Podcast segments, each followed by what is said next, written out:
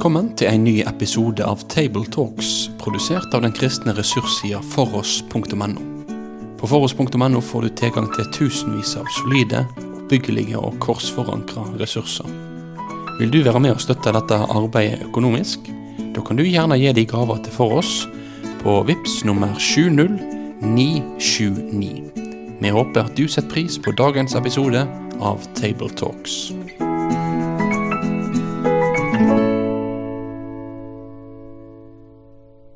Ja, kommende søndag er fastelavnssøndag. Og nå er vi samla tre stykker her for å samtale om søndagens tekst. Det er Svein Granerud, Asbjørn Kvalbein og meg, Egil Sjåstad. Den teksten som er satt opp for fastelavnssøndag i år, den er henta fra Jesu avskjedsbønn, eller det som er kalt den ypperste prestelige talen av Jesus. Den kommer i slutten av Jesu avskjedstale, slik som den er gjengitt i Johannes evangeliet 14 til og med 17. Avskjedsbønnen er hele kapittel 17, som starter med at Jesus løfta øynene mot himmelen og sa 'Far, timen er kommet'. Og så er disiplene rundt bordet hovedtema i første del av bønnen. Men så skjer det noen ting når vi skal begynne å lese dagens tekst, da. Fra vers 20. For da går perspektivet videre over ifra disiplene og til oss.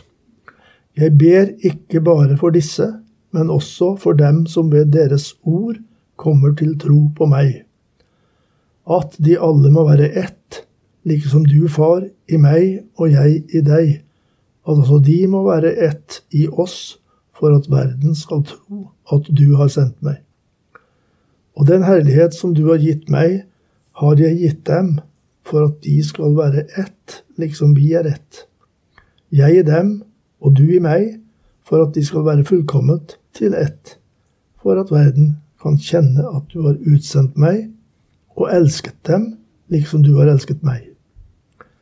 Far, jeg vil at de som du har gitt meg, skal være hos meg der jeg er, for at de skal se min herlighet som du har gitt meg, fordi du elsket meg før verdens grunnmål ble lagt. Rettferdige Far, verden har ikke kjent deg, men jeg har kjent deg, og disse har erkjent at du har utsendt meg, og jeg har kunngjort ditt navn for dem, og skal fortsatt kunngjøre det for at den kjærlighet som du elsket meg med, skal være i dem, og jeg i dem. Veldig mange store og viktige ord her i denne delen av Jesu bønn. da. Og eh, som jeg sa, så er perspektivet framover og utover. Nye generasjoner kristne og utover til kristne i hele verden. Og det kjennetegner dem at de er kommet til tro ved deres ord, apostlene sine ord, som er da kilden til den trua som er skapt og blir skapt rundt omkring. Ja, nå må vi slippe løs praten, Asbjørn. Jeg tenker på dette med enheten, som han er inne på, at de må være ett.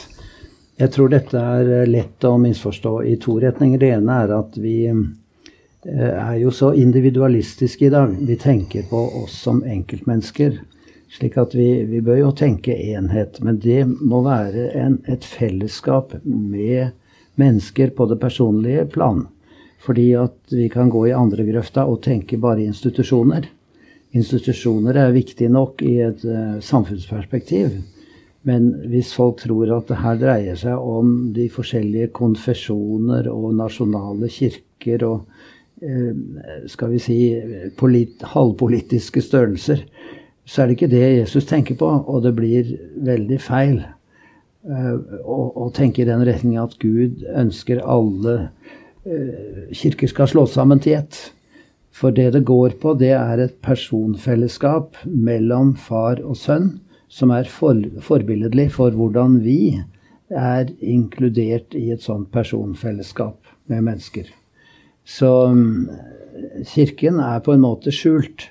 Eh, det er ikke åpenbart for verden hvem de er, men de trer fram likevel som mennesker, og vi kjenner igjen hverandre vi som tror, ved at vi er knyttet til Jesus og har fellesskap i ham. Og det står her at folk skal bli troende av å se enheten. Vel, det er ikke da den fysiske enhet av kirkesamfunn, men det er hvordan kristne mennesker er glad i hverandre og har et tydelig, gjennomskinnelig preg av Jesus og Gud og fellesskapet med, med Jesus og Faderen. Det er det som gjør inntrykk på folk. Jeg syns jeg må nevne det. Ja, det var veldig relevant. Men det som nevnte også. Ja, nei, Vi må gjerne si litt. Det er mye å tale om her, så man må vel velge. Men uh, enheten i Jesus Kristus, den er det viktig å tale om, for der går det an å gå seg vill, selvfølgelig. Uh, jeg tror ikke Gud har problemer med at det finnes ulike kirkesamfunn og trossamfunn, både ut fra kulturell og geografisk og språklig og mange årsaker. Så, så tenker jeg det i seg selv er ikke et problem. Uh, det er et problem at kirker lærer ulikt om ting som vi mener har med troens lære og sentrale ting å gjøre. Eh, da tenker også jeg at eh, det er bedre å være åpen på det å ha en samtale enn å overskygge det. Så enhet, det tenker jeg dypest sett består i åpenhet for stadig å prøve sine tanker om de stemmer med Skriften. Så derfor er jeg ikke på en måte skremt av at det kan være samtaler om ting, også kirke og trossamfunn imellom. Men denne enheten kan vi nok forstyrre litt hvis vi samtaler på en sånn måte at det ikke er den ånden Jesus har bedt oss samtale om, som, som gjør det. Da kan nok kirkesamfunnet forstyrre andre menneskers tanker om enheten når vi opptrer i strid med det Jesus har lært oss. Så det er noe med her, og som Asbjørn sier, det er grøfter på begge, begge, sider. Men at den enheten som Jesus taler med, det er den enheten ved at vi hører ham til. Og den er dypest sett ikke strukturell, så målet for enheten er ikke å utjevne grenser mellom kirkesamfunnet, men vi skal være tydelige på at vi søker i Skriften for å bli kjent med Jesus, fortrolig med Hans ord. Og så får vi føre den gode samtalen underveis om det som de som ønsker at dette ordet skal ha autoritet. Når Jesus ikke er lenger den som vi søker tilflukt hos, og som gir oss de avgjørende svarene, da, da blir enheten krevende. Det er veldig fint å se gjennom Det nye testamentet hvordan det forutsettes at kristne viser kjærlighet og omsorg for, for hverandre.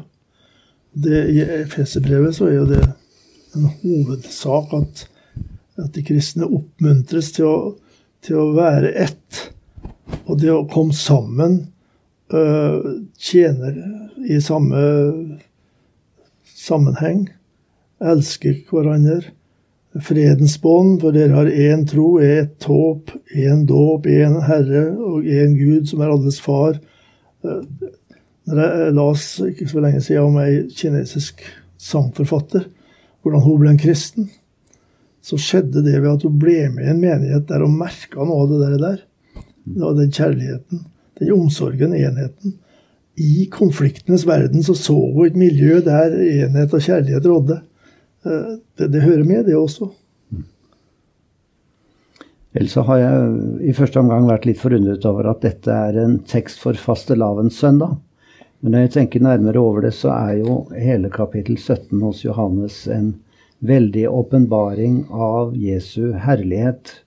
Og hva er det vi egentlig ønsker med om vi går inn i faste? Det er at vi skal komme nærmere Jesus og få mer fellesskap med ham og se mer av hans herlighet. Og det er jo det Jesus ber om allerede i første verset her, at uh, nå er timen kommet, far, at du skal herliggjøre din sønn. Og så er det uttrykket 'herliggjort' brukt mange ganger i løpet av dette kapittelet. Og i hvert fall to ganger i den teksten vi leste. Så det er kanskje verdt å snakke litt hva, hva det betyr.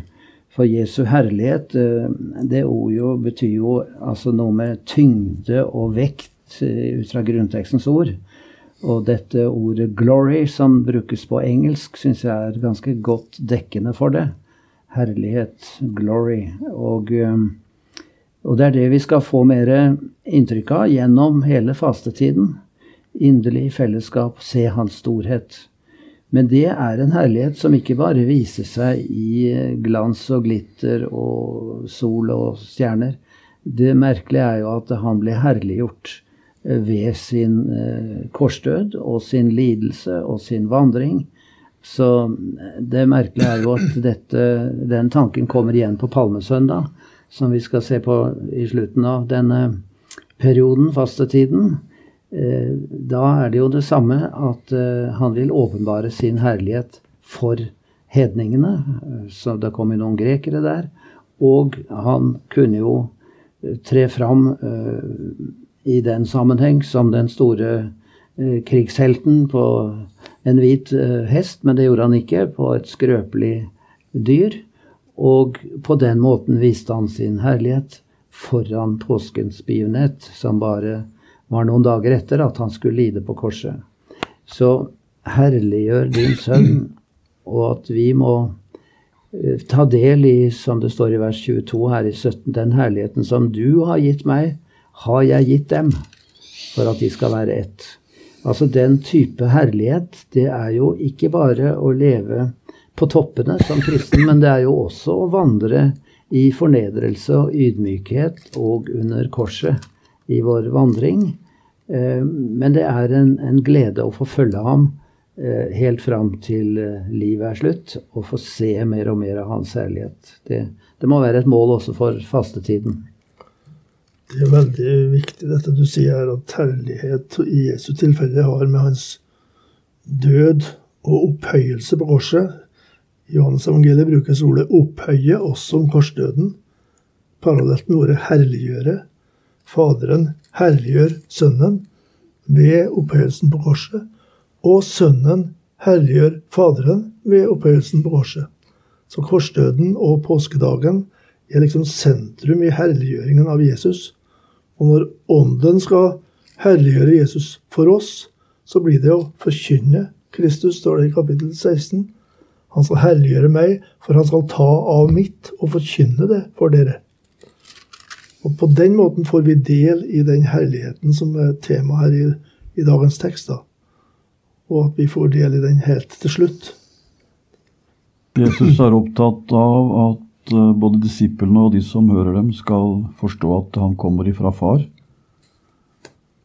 Han eh, er utvalgt før verdens grunnvoll ble lagt. Så da vil han jo at vi skal forstå at det som nå skjer med Jesus, det er noe som har ligget der i Guds dyp tanke lenger tilbake enn vi er i stand til å tenke. Så det som har skjedd, og som Jesus har talt om i det foregående, det er oppfyllelsen av en lang frelseshistorie. Hvor Abraham fikk høre at i din ett skal alle folkeslag på jorden velsignes. Der, der er vi nå.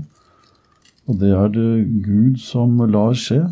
Og det Jesus gjør, er altså ikke å komme som en sånn uh, frispiller på fotballspråket, men han kommer i dyp sam samsvar med den planen som Gud har lagt. Og Det er nok også viktig å si. Vi har vært innom av og til i disse samtalene at, at uh, navnet Jesus er mer krevende å forholde seg til enn uh, Gud, forstått som en sånn allmenn skaper og guddommelig vesen. Den som ikke tar imot Jesus som frelser, er borte fra Gud. Dvs. Si, da er vi på feil vei. Så vi må tale om det nå i fastetiden som ligger foran. At eh, Jesus har kommet for å bringe oss tilbake til Gud. Et folkeslag som vendte Gud ryggen, skal sammen med Jesus få vende tilbake igjen. Og når det skjer, da vil folk ane at det er Gud som er på ferde. Så det å tale om Jesus, det er å bringe folk tilbake til Gud. Og Derfor er det det er alle vi er opptatt av, og jeg er det også. Vi må prøve å dra noen sånne glimt fra frelseshistorien hele veien. sånn at ikke dette blir en sånn løsrevet sak, men at vi ser at det er en rød tråd som spinner seg fra tidens begynnelse, og nå er det kommet til et av de viktigste veikryssene i historien når Jesus skal stå fram. Apropos bare det å nevne dette med å se hans herlighet. Den første som så det, var vel en romersk offiser som sa 'sannelig, denne var Guds sønn'. Mm. Og da han sa det, så sto han ved foten av en, et kors hvor han hang en dødsdømt forbryter. Mm. Og så fikk han i et glimt se hvem han egentlig hadde med å gjøre. Jeg tenkte litt på det som Jesus her sier, den herlighet jeg har gitt dem. Hva er det for noen ting? Da må det jo være det at det han gjorde for oss, da han sjøl ble herliggjort, og da han herliggjorde Gud, det blir vår eiendom, sånn at vi får del i det. Og da betyr det vel egentlig det samme som å bli Guds barn. altså. Alle dem som tok imot ham, dem ga han rett til å bli Guds barn. Det er noe kjempeherlig over, over det å bli et Guds barn. altså Tenk på det, når vi er Guds fiender i, i, etter vår natur. Og så hentes inn og erklæres og blir født på ny og adoptert som Guds barn. Da har vi del i Kristi herlighet, for det er jo hans død oppstandelse som åpna veien for oss inn til dette herlige. Denne herligheten da, som vi skal også få helt til slutt. Det er jo flott at vi får uh, i fastelavnssøndag en så rik tekst som dette er. Hele kapittel 17 hos Johannes er jo, som vi hørte, en, en lang bønn og alt det som Jesus ber om her, det er jo store ting, og det er ikke minst om hans herlighet. Og så ønsker han hele veien at vi som disipler og hans folk i nye generasjoner skal få del i denne rikdommen og dette fellesskapet med Faderen.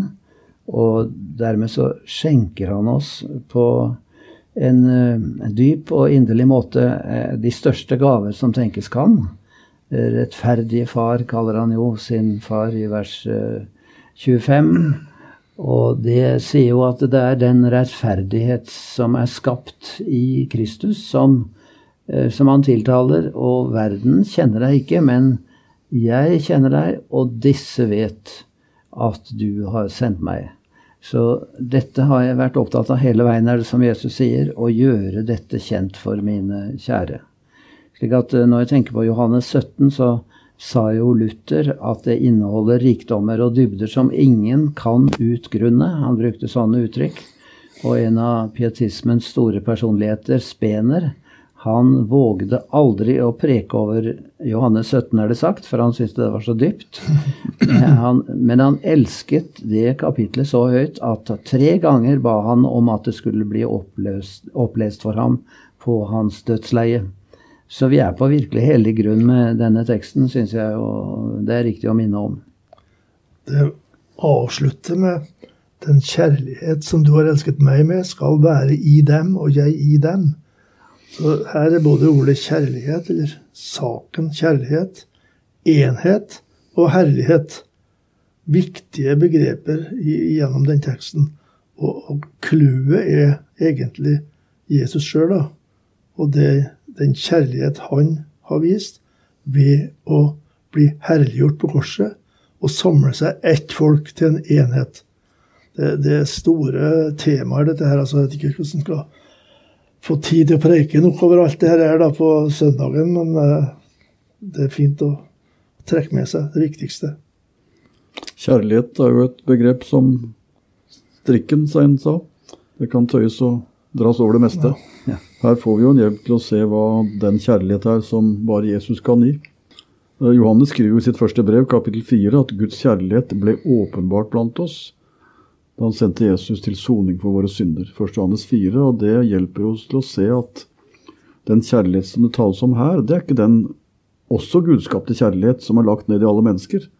Det er skapelsens gave, og den ser vi hos alle, og den skal Gud få æren for. Men det vi taler om her, det er den kjærlighet som hører frelsen til. Den som gjør at vi finner tilbake til Far. Det er Jesus, det Jesus har kommet for å gi oss. Og den finner vi ikke våre beste, på våre beste dager som skapninger. Den trenger vi å høre fra Han som kommer til oss med den. Den ble åpenbart, og det betyr altså at den var ikke kjent fra før. Og der er det nok, skal vi våge å si det, behov for litt opprydning, tror jeg, også teologisk og prekenspråkbruk. At uh, Én sak er den kjærlighet Gud har gitt oss som skapninger.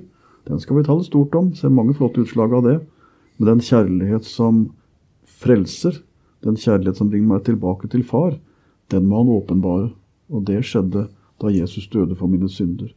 Så det er korset og graven som er adressen for den kjærlighet som hører det nye Gudsriket til.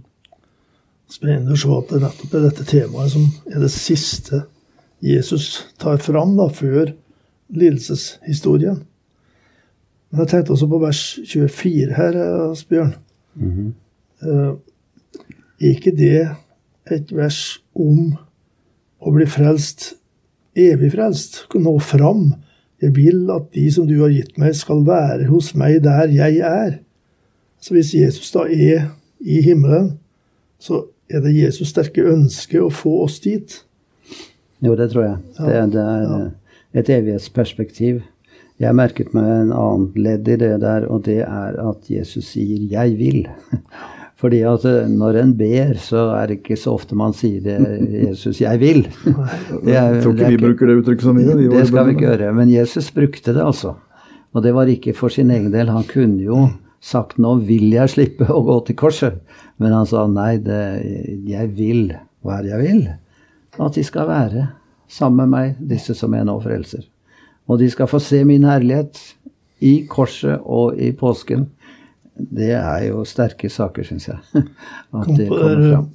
uttrykket som står om Gud, det som Jesus sier da, om Gud i kapittel 6, eh, vers 40, tror jeg. Det vil far min Det er på nynorsk. Det vil far min at hver den som ser Sønnen og tror på Han, skal ha evig liv. Jeg synes det, I stedet for å si 'det er min faders vilje', så er det uttrykket 'det vil far min'. Det er veldig godt. Og Her er det Jesus som vil noen ting. Faderen vil, og det Faderen vil, det har med Jesus å gjøre, og vårt forhold til Han. Og her er det, det egentlig det samme. Jesus vil at dette skal få sitt klimaks i evigheten. da. Det kan hende, hvis tiden tillater det, at jeg hadde tatt en ørliten avstikker til Kolossebrevet. Det gjorde du i stad, Egil. I Kolossere 3 så taler jo Paulus om hva det er å være en kristen her på jorden. Det var ikke bare greit verken i Kolosser eller andre steder. Men så sier han til dem, Kolossere 3, 3, at vi er døde, altså bort fra loven, og vårt liv er skjult med Kristus hos Gud. Og der taler han i samtid. For det livet som en gang blir åpenbart, det er et liv som nå er skjult. Så som en tilgitt synder, så har jeg allerede nå et liv med Kristus i Gud. Gjenfødt. Borgere til himmelen, skriver Paulus om.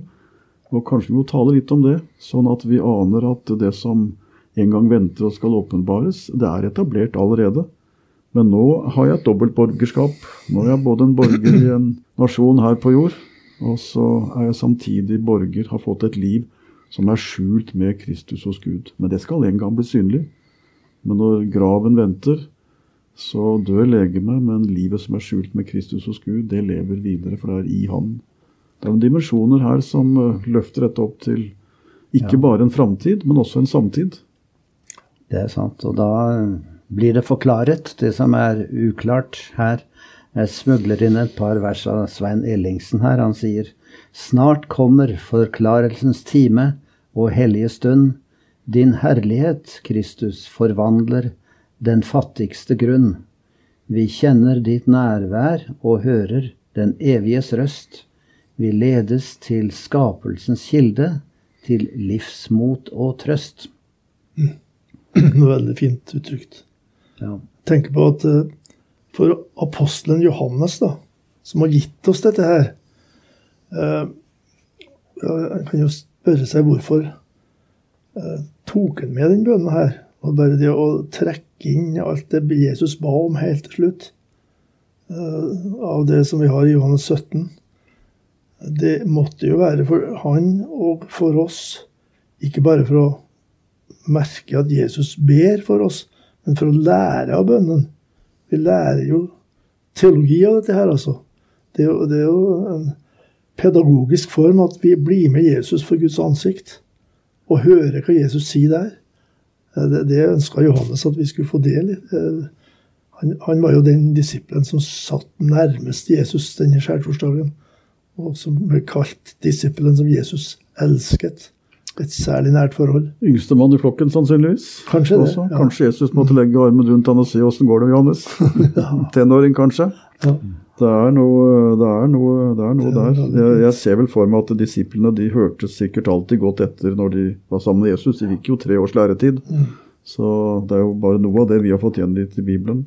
Men sånn menneskelig tenkt så vil jeg kanskje tro at når de er sammen med ham denne skjærtorsdagskvelden, som de aner er en avskjed fra det som til nå har vært, Og når Jesus da taler, jeg tror de hørte godt etter.